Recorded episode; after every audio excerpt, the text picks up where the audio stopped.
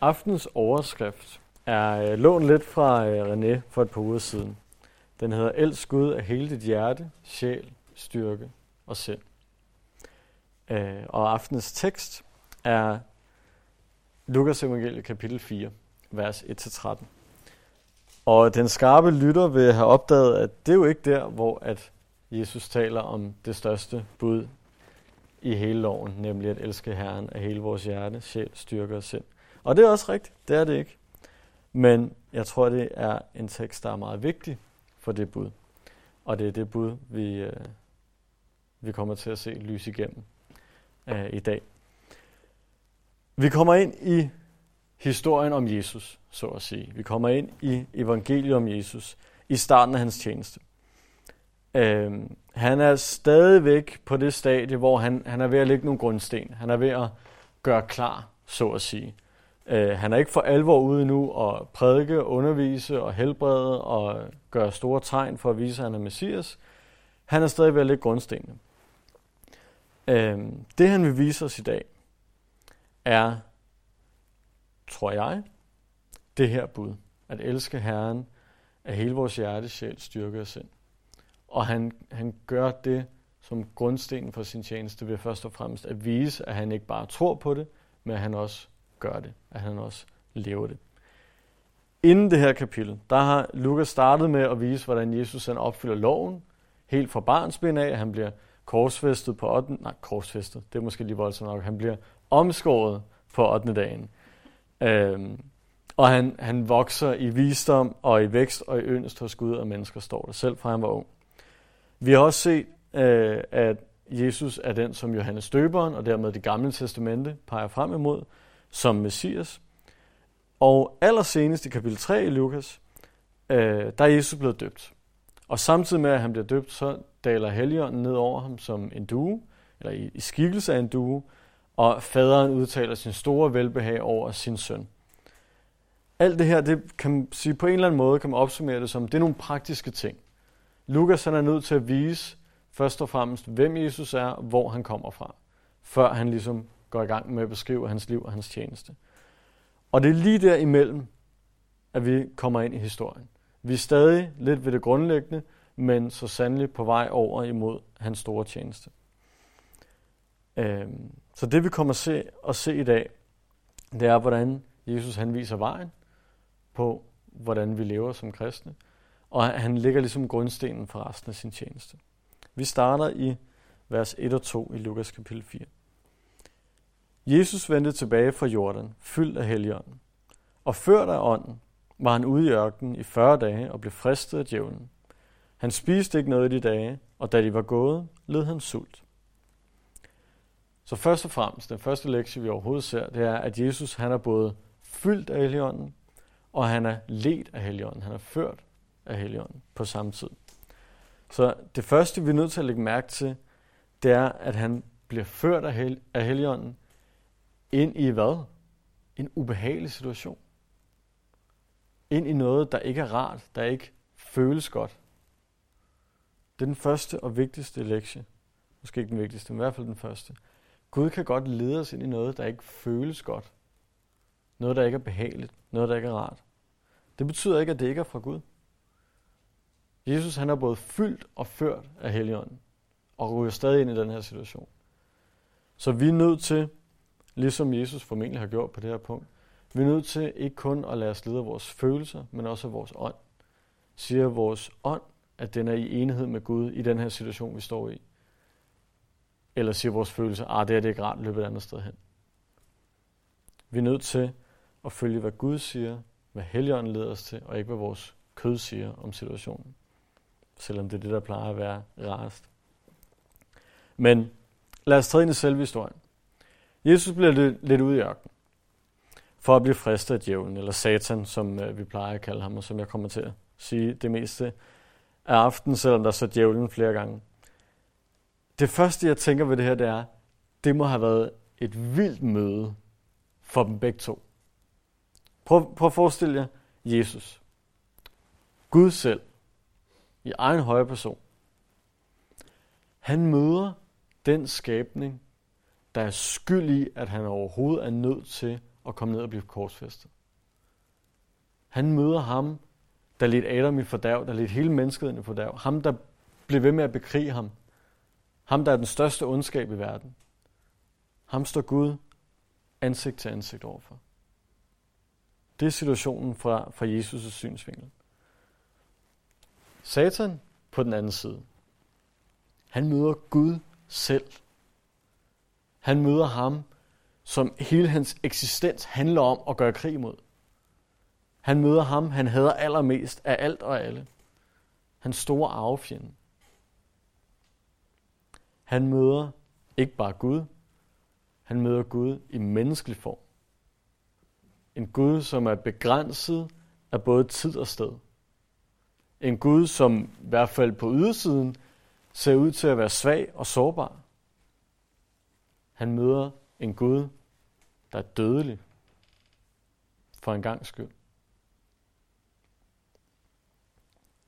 Jeg tror, hvis der var noget, Satan han har set frem til i x antal tusind år, så har det været det her. Endelig at møde Gud i en position, hvor han er sårbar. Endelig at møde Gud, hvor han ikke ser så stærk ud, som han plejer. Og det er det møde, de er i, i 40 dage. Jesus underlægger sig sin faders vilje. Han udsulter sig selv. Han faster og modstår satans fristelser på samme tid, for at vise den styrke, han har i det, han har ført af helgen. Han viser den styrke, han har over synd og over fristelse. Og Satan, han gør sit allerbedste for at pille Jesus ned. Han gør det allerbedste, han nogensinde har lært for at lede ham i fordærv. Øh, I forhold til sådan de 40 dage og selve historien, man skal forstå det som om, at Satan frister Jesus i 40 dage. Det er ikke, fordi han går og faster i 40 dage, og så lige til allersidst, så kommer Satan springende over forresten, jeg skal lige nå at friste en gang. Han frister ham i 40 dage. Det er 40 dages kamp, som så bliver afsluttet med de her tre ting, som, som er de største, så at sige, største fristelser i de her 40 dage. Og de kommer så her i vers 3. Der sagde djævlen til ham, hvis du er Guds søn, så sig til stenen her, at den skal blive til brød. Men Jesus svarede ham, der står skrevet, mennesket skal ikke leve af brød alene. Hvis du er Guds søn, eller sagt på en anden måde, når nu du påstår Jesus at være Guds søn, når nu du er så mægtig, når nu du er Gud selv, Satan står og håner ham på flere forskellige niveauer. Når nu, når nu du er den, du siger, du er, hvis du nu er det, prøver han at håne ham, så gør den her sten til brød. Så behøver du ikke at sulte længere. Det er jo nemt nok. Guds velsignede skal da ikke stå og lide på den måde, at han ikke har noget at spise. Gør, kom nu, virk lidt øh, magi derovre. Gør det her, gør den her sten til brød. Få noget at spise. Og I kender alle sammen historien, I har hørt den før, I ved godt, hvad Jesus gør, og, og hvorfor han gør det osv. Men prøv engang at overveje Jesus i den her situation. 40 dage uden mad. 40 dage uden mad. Daniel og jeg har svært ved 40 minutter uden mad. 40 dage uden mad. Han har ikke haft den mindste smule energi i kroppen. Ikke det mindste intet tilbage. Han har haft en sult, der var værre, end hvad vi overhovedet kan drømme om nogensinde at opleve. Jeg skal ikke sammenlignes. 40 dage uden noget. Og så bliver han tilbudt brød. Det mest simple i verden, og samtidig det, han har absolut allermest brug for på det her tidspunkt. Brød. Hvor, hvorfor, ikke, altså, hvorfor ikke bare tage det? Hvorfor ikke bare gøre det? Jeg står sådan lidt og tænker, hvis nu han for, hvad vil være så slemt, hvis nu han forvandler det her, den her sten til brød? Så han får både vist satan, jeg kan godt, jeg er Guds søn, stop det der honeri, og han får noget at spise. To fluer med et smæk, win-win. Hvor, hvorfor, hvorfor ikke? Fordi Gud havde en plan. Og det her er vigtigt at forstå omkring den her plan.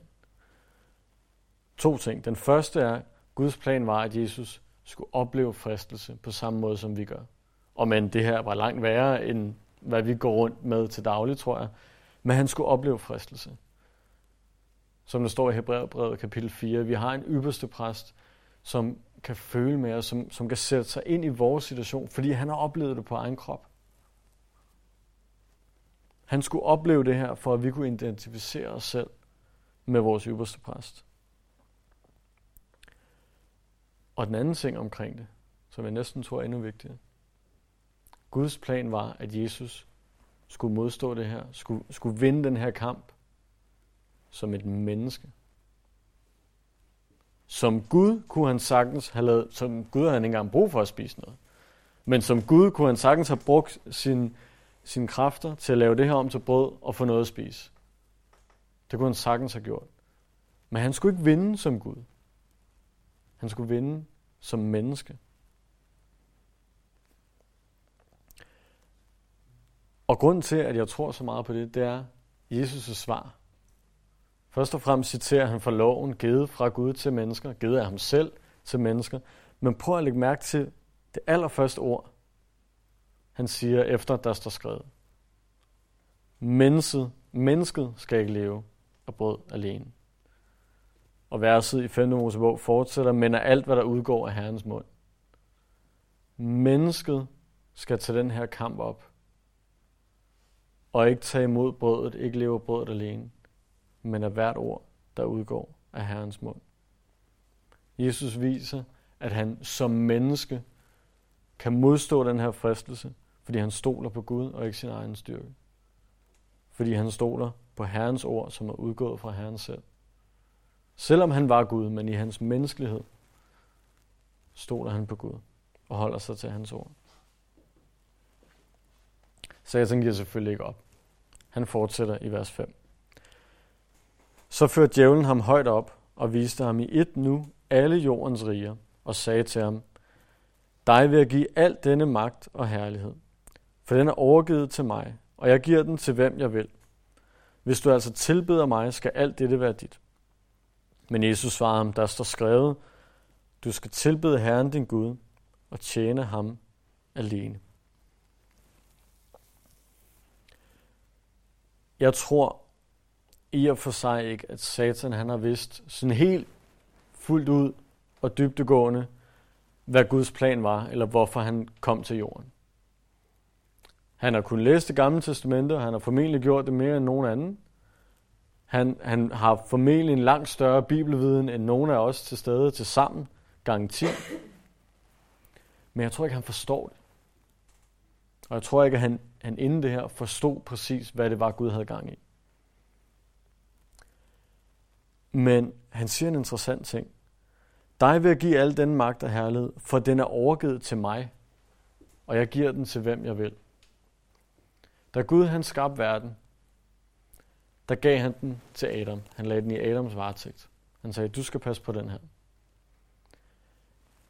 Adam var lidt af en tosse. Han fejlede. Han overlod den til Satan. Så efter det har jorden været i Satans besiddelse. Det er ham, der er kongen på jorden. Vi ved selvfølgelig godt, at Jesus ultimativt er kongen, men jorden er i satans varetægt. Han kan give den til hvem han vil. Og jeg tror, at hans, hans esfære, så at sige, hans synsvinkel, den begrænser sig til det. Jeg har jorden. Du er kommet her for at tage den tilbage. Jeg tror, at han har overset pointen, som var langt vigtigere for Jesus, nemlig de mennesker, der var i jorden. Og ikke bare magten over menneskerne på jorden. Jesus kom efter mennesker, ikke efter magt. Men jeg tror, at Satan han har stået på det her tidspunkt og tænkt, tænkt alt det fra. Det har han slet ikke overvejet. Han har tænkt, Jesus er her for at få jorden tilbage. Jeg ved ikke præcis hvordan. Jeg, jeg forstår det ikke helt. Men det er det, han er for. For det, det må være det vigtigste. Magt og kontrol, det må være det vigtigste.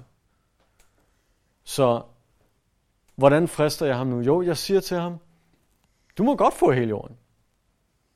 Det er det, du er kommet efter, ikke? Det må du godt få, hvis du bare lige tilbeder mig. Jeg tror, at han i den her fristelse misforstår Jesus, og hvad han rent faktisk kom efter. Men kommer selvfølgelig stadig med en stor, stor fristelse at blive konge over hele jorden. Hvilket også var pointen. Jesus skal blive konge over hele jorden. Bare ikke på den måde, Satan lige havde troet. Så han kommer med den her fristelse og siger, hele den der plan, du har om det der mærkelige kors og den der ydmyge måde at gøre det på, det behøver du ikke. Der er en meget lettere vej. Jeg har et gære herover, der er meget lavere end dit. Kom og spring herover. Det er meget nemmere.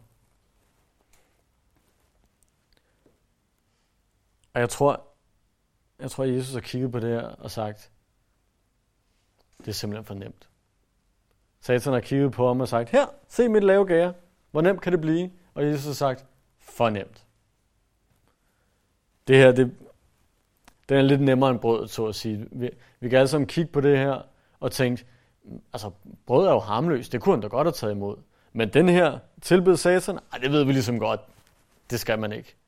Det, det er den nemmeste, hvor vi tænker, det er jo ikke engang et spørgsmål. Altså, hvor, hvorfor gør han det overhovedet? Det ved vi jo, at han ikke skal. Men jeg tror ikke, vi skal undervurdere den fristelse, Jesus er gået igennem. For hvor tit bliver vi ikke fristet til at springe over, hvor gaden er lavest. Til at gøre det, der er nemmest. Vide, okay, det her, det, det er måske den rigtige måde at gøre det på, men øj, hvor er den bare meget hårdere end den anden måde derovre, der bliver tilbudt. Det er det, Jesus han bliver tilbudt her. Han bliver tilbudt at få kronen og undgå korset på samme tid. Og det er altså sandelig fristende. Men Jesus viser igen sin kærlighed til faderen, sin hengivenhed over for faderen, i det han igen stoler på faderen fuldt ud, lægger sig under hans plan og siger nej, selvfølgelig vil jeg ikke tilbede andre. Fordi der står skrevet, at jeg skal tilbede Herren, min Gud, og tjene ham alene. Han tager den svære vej i stedet for den lette vej. Han tager den rigtige vej. Satan giver selvfølgelig ikke op. Han fortsætter i vers 9. Derpå førte djævlen ham til Jerusalem, stillede ham på templets tinde og sagde til ham, Hvis du er Guds søn, så styrt dig ned herfra, for der står skrevet, han vil give sine engle befaling om at beskytte dig, og de skal bære dig på hænder, så du ikke støder din fod på nogen sten. Men Jesus svarede ham, der er sagt, du må ikke udæske Herren, din Gud. Så Satan prøver et sidste trick. Det er lidt det samme trick som tidligere. Øh, men forskellen er, at nu er Satan to gange blevet faret af vejen ved hjælp af Guds ord. Så nu tænker han, okay, det virkede som en meget god taktik. Jesus har vundet på den to gange. Jeg tager den samme taktik. Så jeg citerer fra skriften. To gange sågar. Så han siger, når nu du er Guds søn, når nu Gud, han derfor tydeligvis elsker dig, så kan du sagtens lade dig falde ned. Han skal nok gribe dig. Det har han jo lovet. Det kan du sagtens gøre. Og igen står man og tænker, tja, hvorfor ikke? Gud har jo lovet det. Han har rigeligt med engle til at gøre det. Der... Hvorfor ikke? Det ville da være nemt nok. Jeg forestiller mig, at Jesus han står der på tinden af templet og kigger ned i afgrunden. Og med sit menneskelige øje, så kigger han ned og tænker, hold da op, der er langt ned. Det her det er farligt. Og med sit åndelige øje, så ser han formentlig en milliard engle stå og være klar til at gribe deres herre, deres Gud, deres mester. For det tror jeg, ærligt talt, de har været. Jeg tror, de har været så klar til at stå og gribe deres Gud. Og igen, så kunne Jesus snilt have gjort det. Han kunne snilt have hoppet ud, og han havde vidst, de havde grebet mig. Og havde de ikke grebet ham, så havde han formentlig kun klare det selv, for Jesus han er Gud. Han kunne snilt have gjort det. På alle mulige tænkelige måder. Men det han vælger at gøre, det er, at han, han ser igennem satans løgn. Han ser igennem, hvad det er, satan prøver at gøre. Han ser, Satan, du prøver at fordreje mit ord. Og du skal ikke komme og udfordre mig med mit ord, for det er mit. Det er mig, der har skrevet det. Og jeg ved godt, du prøver at fordreje det. Det, det, det er lidt fjollet at stå og udfordre forfatteren og tro, Nå, du har måske glemt, hvad det her vers betyder. Selvfølgelig har han ikke det. Så Jesus svarer igen. Igen med et skriftsted. For tredje gang ud af tre mulige er det for femte Mosebog. Du må ikke udæske Herren din Gud. Og det er jo selvfølgelig et gammelt, gammelt ord, øh, helt tilbage fra 1992, hvor det sikkert blev brugt en masse. Øh, men i dag vil man nok sige, at du må ikke friste. Øh, det, man kan også sige, at du må ikke udnytte øh, de ting, som Gud har lovet øh, til din egen fordel. Øh, du må ikke sætte dem på prøve for at se, åh, holder Gud nu, hvad han lover? Ja, det gør han. Men lad være med at prøve det af. Hvis det skulle ske, at du falder ned fra templet, så er jeg sikker på, at Gud han holder, hvad han lover. Men du skal ikke teste ham på den måde. Det er mistillid. Det er mangel på respekt over for ham, der har lovet noget. Men Jesus, han viser igen, han stoler på faderen, han overlader det til hans ord og klarer sejren. Og så står der i vers 13. Da djævlen ikke havde mere friste med, forlod han ham for en tid. Så er der ikke mere krudt tilbage. Guds største fjende havde ikke mere krudt tilbage. Han havde tabt. Ikke bare til Gud, han havde tabt til mennesket Jesus.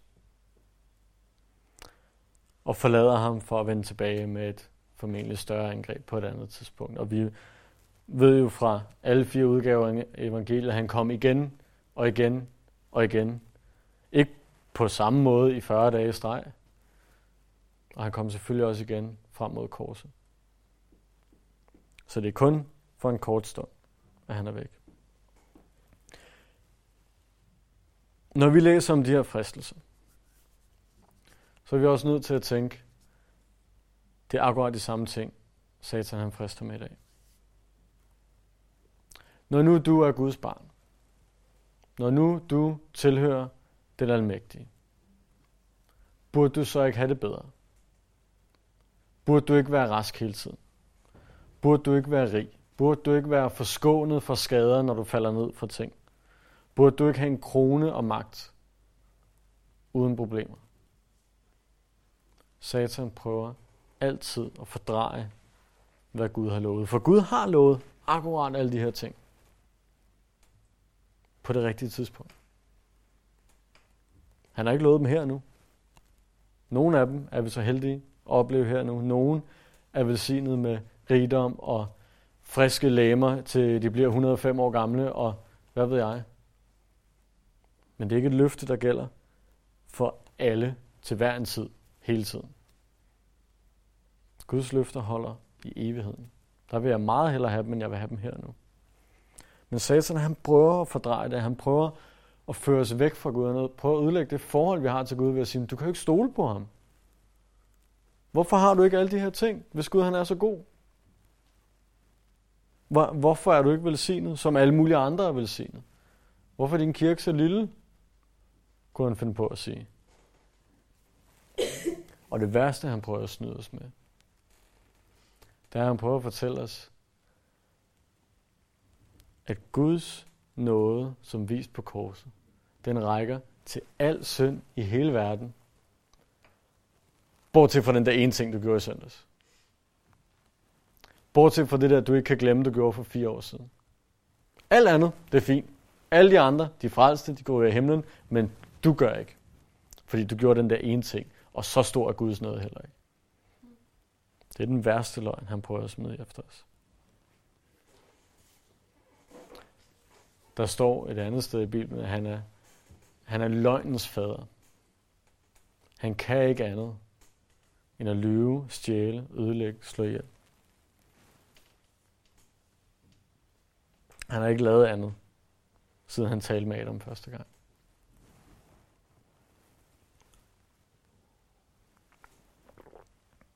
Lad os prøve at ændre scenen en lille smule. Jeg vil fortælle en lille historie. Ikke sådan et eventyrshistorie, som øh, bare har en god pointe. En rigtig historie. En historisk historie. Der var engang et folk. Det var ikke noget stort og mægtigt folk. De havde ikke noget specielt militær eller en flot hovedstad eller noget som helst i den stil. Men det var et folk. Det var et lille folk. Lidt ligesom dig og mig, så, så kunne de ikke noget specielt. Men af en eller anden mærkelig årsag, så udvalgte Gud dem til noget specielt. Han valgte at elske dem. Og grunden til, at han elskede dem, det var, at han elskede dem.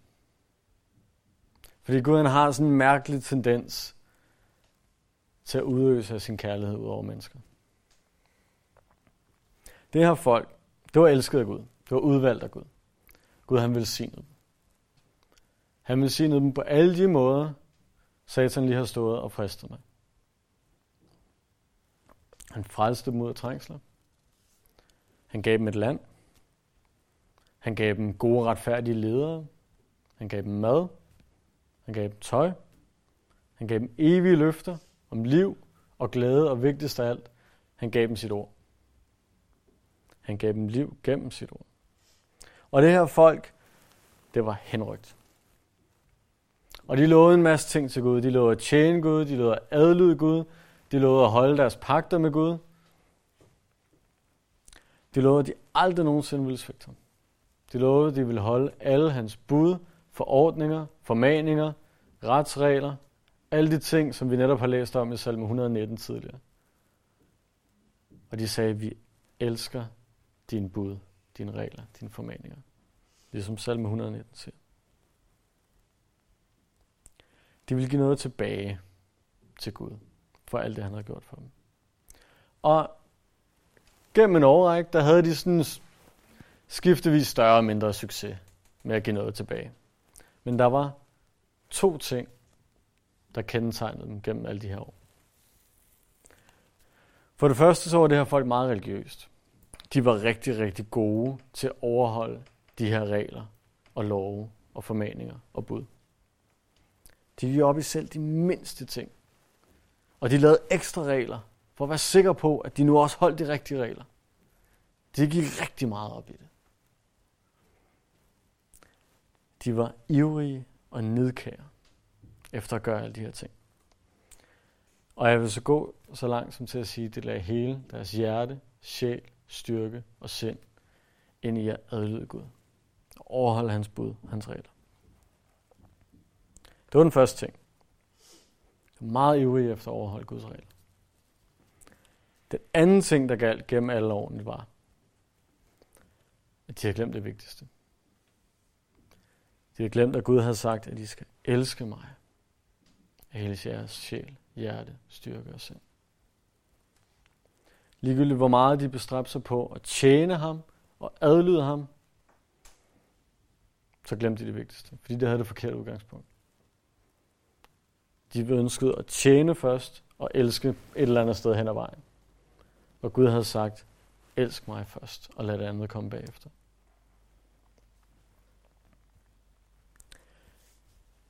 I har måske gættet, hvem jeg snakker om. Og det er også okay. Men den næste pointe er, at da Jesus han kom, der kom han for at forene Gud med mennesker. Han kom for at stifte fred. Han kom for at fjerne alt det, der måtte adskille os fra Gud. Og det her folk, som nu engang var specielt udvalgt og elsket af Gud, de gjorde tre ting. Eller, det er måske så meget sagt. De gjorde mange ting, der ødelagde deres forhold til Gud. Rigtig mange ting. Sikkert lige så mange ting, som vi kan finde på at gøre, der ødelægger vores forhold til Gud. Men det er kogt ned til tre ting. Der er tre overordnede emner. Tre ting, de gjorde, som inden Jesus kom, ødelagde deres forhold til Gud. Først og fremmest, lige så snart de oplevede den mindste snært af nød og trængsel og pinsel, modgang, så stolede de ikke på Gud. De stolede ikke på hans ord om at være trofast. De stolede ikke på, at han ville give dem, hvad de havde brug for. De stolede på det, de kunne se, det de kunne mærke, føle, det de vidste var der. De glemte at stole på ham, de ikke kunne se. De glemte at stole på de luft, løfter, som var lidt mere luftige lidt mindre håndgribelig. Og derfor trodsede de ham i ødemarken. De manglede, gæt hvad? Brød. Og de kunne ikke se, hvor brødet skulle komme fra. Derfor så troede de, at Gud, de stolede ikke på Gud, og gennem det så viste de også, at de ikke elskede Gud. Først og fremmest. Den anden ting, som var så tydelig i dem, det var, at de var forblændet af den her verdens rigdom. De var forblændet af magt. De var forblændet af velstand. De bestræbte sig på at akkumulere så meget rigdom, som de overhovedet kunne. Blive så store og fede og tykke, som de overhovedet kunne. Hvilket ledte dem til at tilbede andre guder. Hvilket igen viser, at de troede ikke på Gud alene. De stolede ikke på hans løfter, til at han nok skulle give dem det, de havde brug for. Hvilket igen viste, de elskede ikke Gud. Og de her to meget, meget håndgribelige ting, de udmyndede sig i den tredje, mere overordnede ting.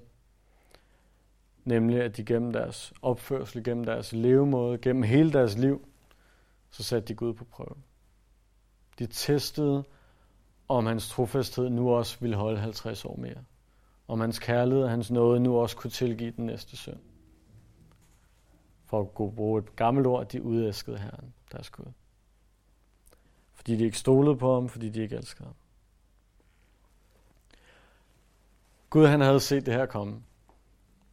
Han havde set det på forhånd. Så han havde gjort alt, hvad han kunne, for at de her tre ting og alt det andet ikke skulle ske, ikke skulle skille dem ad. Han havde virkelig forsøgt. Han havde fortalt dem om, at mennesket ikke skal leve af brød alene, men af hvert ord, der udgår af Guds mund. Han havde fortalt dem, at de skulle tilbede Herren, deres Gud, og tjene ham alene. Og han havde fortalt dem, at de ikke skulle udæske ham, at de ikke skulle sætte ham på prøve. Fordi han vidste, han vidste, at de her ting, det ville adskille dem. Det ville ødelægge det forhold, de havde til hinanden. Så han havde advaret dem på forhånd. Gud han har gjort meget mere end det. Han har vandret med dem. Han har været med dem gennem alle deres trængsler. Og det lyder næsten som et eventyr. For Gud gjorde alt det gode. Men det er ikke et eventyr. Det er den Gud, vi tjener. Hver gang Satan han var gået imod dem, så havde Gud været der.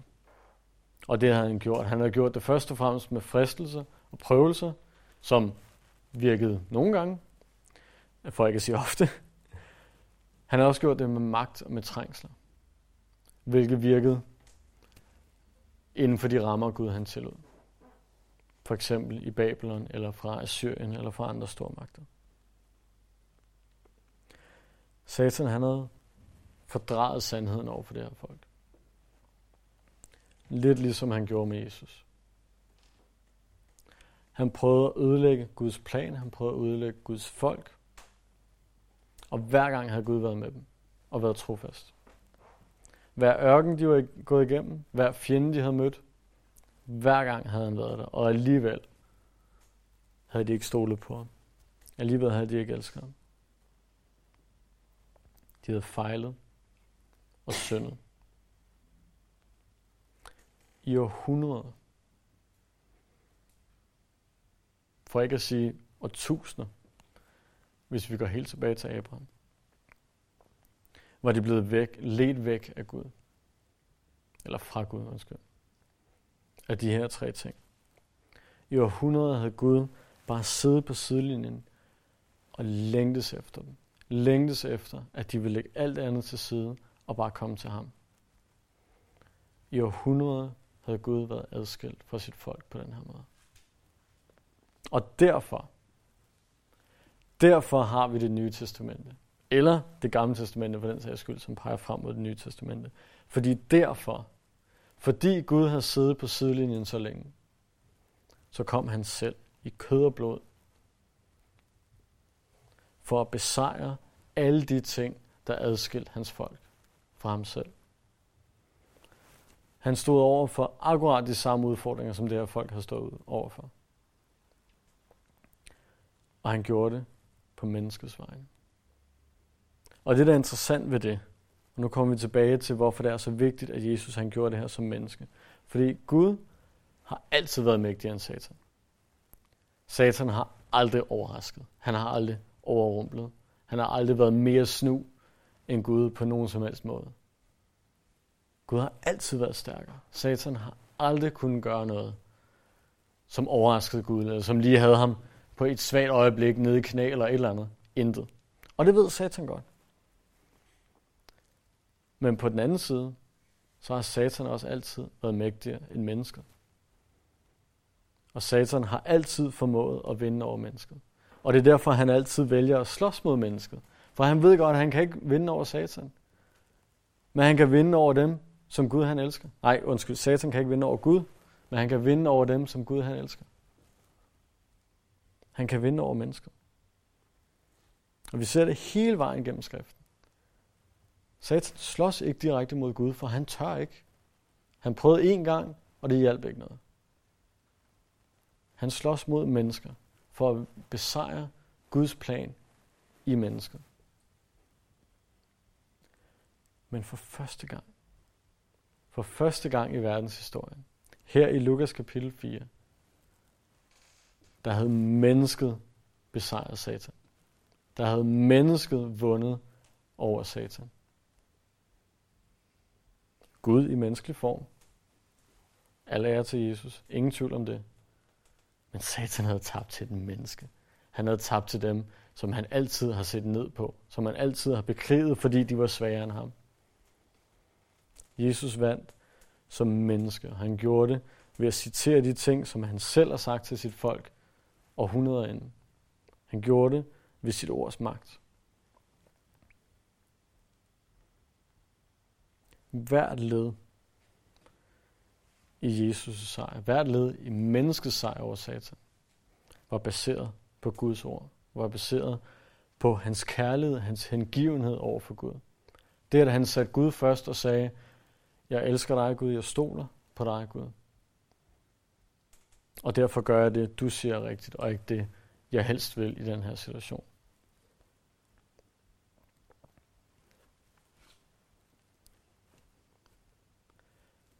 Der er en lighed mellem det her folk og dig. For ligesom det her folk, så er du elsket og udvalgt af Gud. Ligesom det her folk, så er vi alle sammen kaldet til at takke ham, til at prise ham, og vigtigst af alt, til at elske ham. Af hele vores hjerte, sjæl, styrke og sind. Og ligesom det her folk, så har du fejlet. Du har svigtet. Du har syndet. Og du er blevet grebet af en almægtig Gud. Fordi Jesus han har også set alle dine overtrædelser i øjnene. Ligeså vel som han kom for at se de her tre ting i øjnene. De her tre ting, som adskilte hans folk fra ham selv. Så har han også set alle dine ting i øjnene. Og som menneske har han også besejret dem. Og som menneske har han givet den sejr videre til os. Så vi kan dele den med ham. Der findes ikke én eneste ting, som han ikke har mærket på egen krop på den ene eller den anden måde. Der er ikke en eneste fristelse, der er ikke en eneste synd, som ikke på en eller anden måde er blevet oplevet af Gud selv og besejret af Gud selv på vores vegne. Intet. Alt hvad vi går igennem, har han gået igennem for os. Alt hvad vi fejler i, har han vundet over for os på vores vegne.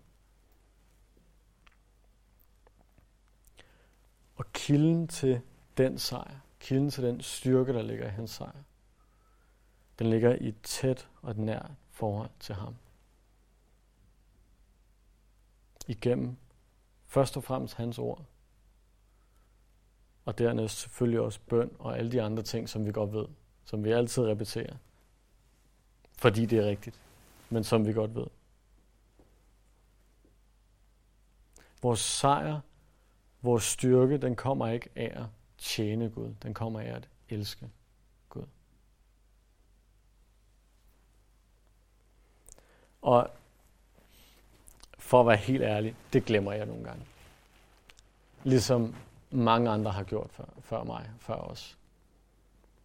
Jeg glemmer, at det første bud i loven er at elske Gud af hele mit hjerte, sjæl, styrke og sind. Det er det, han vil have. Det, jeg ofte vil, det er at tjene ham af hele mit hjerte, sjæl, styrke og sind. Det jeg ofte vil, det er at gå fuldstændig smadret i seng og sige, hold da op, jeg har tjent Gud meget i dag. Fordi så, så føler jeg, at jeg har gjort noget godt for Gud. Men det jeg i virkeligheden bør fokusere på, det er at elske ham af hele mit hjerte, sjæl, styrke og sind. Det Gud ønsker, det er vores kærlighed, vores hengivenhed. Og først og fremmest, han ønsker os. Ikke vores gerninger, vores tjeneste, alle de der andre ting. Jo, dem ønsker han også i anden række. Det han ønsker allermest er os. Han kom ikke og vandt den her sejr for vores tjenester, for vores retfærdighed, for vores penge, eller hvad vi nu har lyst til at give ham. Det havde han rigeligt af. Han kom for at vinde os. Så lad være med at fokusere på alt det der andet. Fokuser på Jesus. Fokuser på, hvad han har gjort for dig og for mig. Fokuser på, hvor meget han elsker dig, hvor meget han har gået igennem for os og foran os. Og jeg vil næsten garantere, at hvis du gør det, så bliver alt fristelse langt nemmere, end det var før. Hvis du fokuserer på, ikke bare, what would Jesus do? Men hvis du fokuserer på, hvad har Jesus gjort? Og hvor meget ønsker han, at vi skal leve sammen med ham? Så lad hans ord, eller hans nåde, som der står i Kolossensbrevet kapitel 3, lad det regere i vores hjerter. Så vil du opdage hemmeligheden til at leve et mægtigt liv for Gud. Og den hemmelighed, tror jeg, det er, at vi ikke skal leve vores liv nødvendigvis for Gud i første række, men med Gud i første række. Og jeg vil slutte af med de ord, som René han gav som overskrift, at han taler om det her, nemlig elsk ham, der elskede os først. Det er det, der handler om. Lad os bede. Far, vi takker for din mægtige kærlighed, at du igen og igen og igen søgte os først, elskede os først. Nej, vi ønsker ikke at glemme alle de tusind steder, hvor dit ord taler om, om hellighed og renhed og leve for dig, tjene dig, give til dig. Ja, det ved vi godt, men ja, hjælp os til at elske dig. Hjælp os til at gøre det ved at forstå, hvor stor din kærlighed er til os. Her lad os opleve længden, dybden, højden og bredden af din kærlighed til os. Jeg priser dit navn, far. Amen.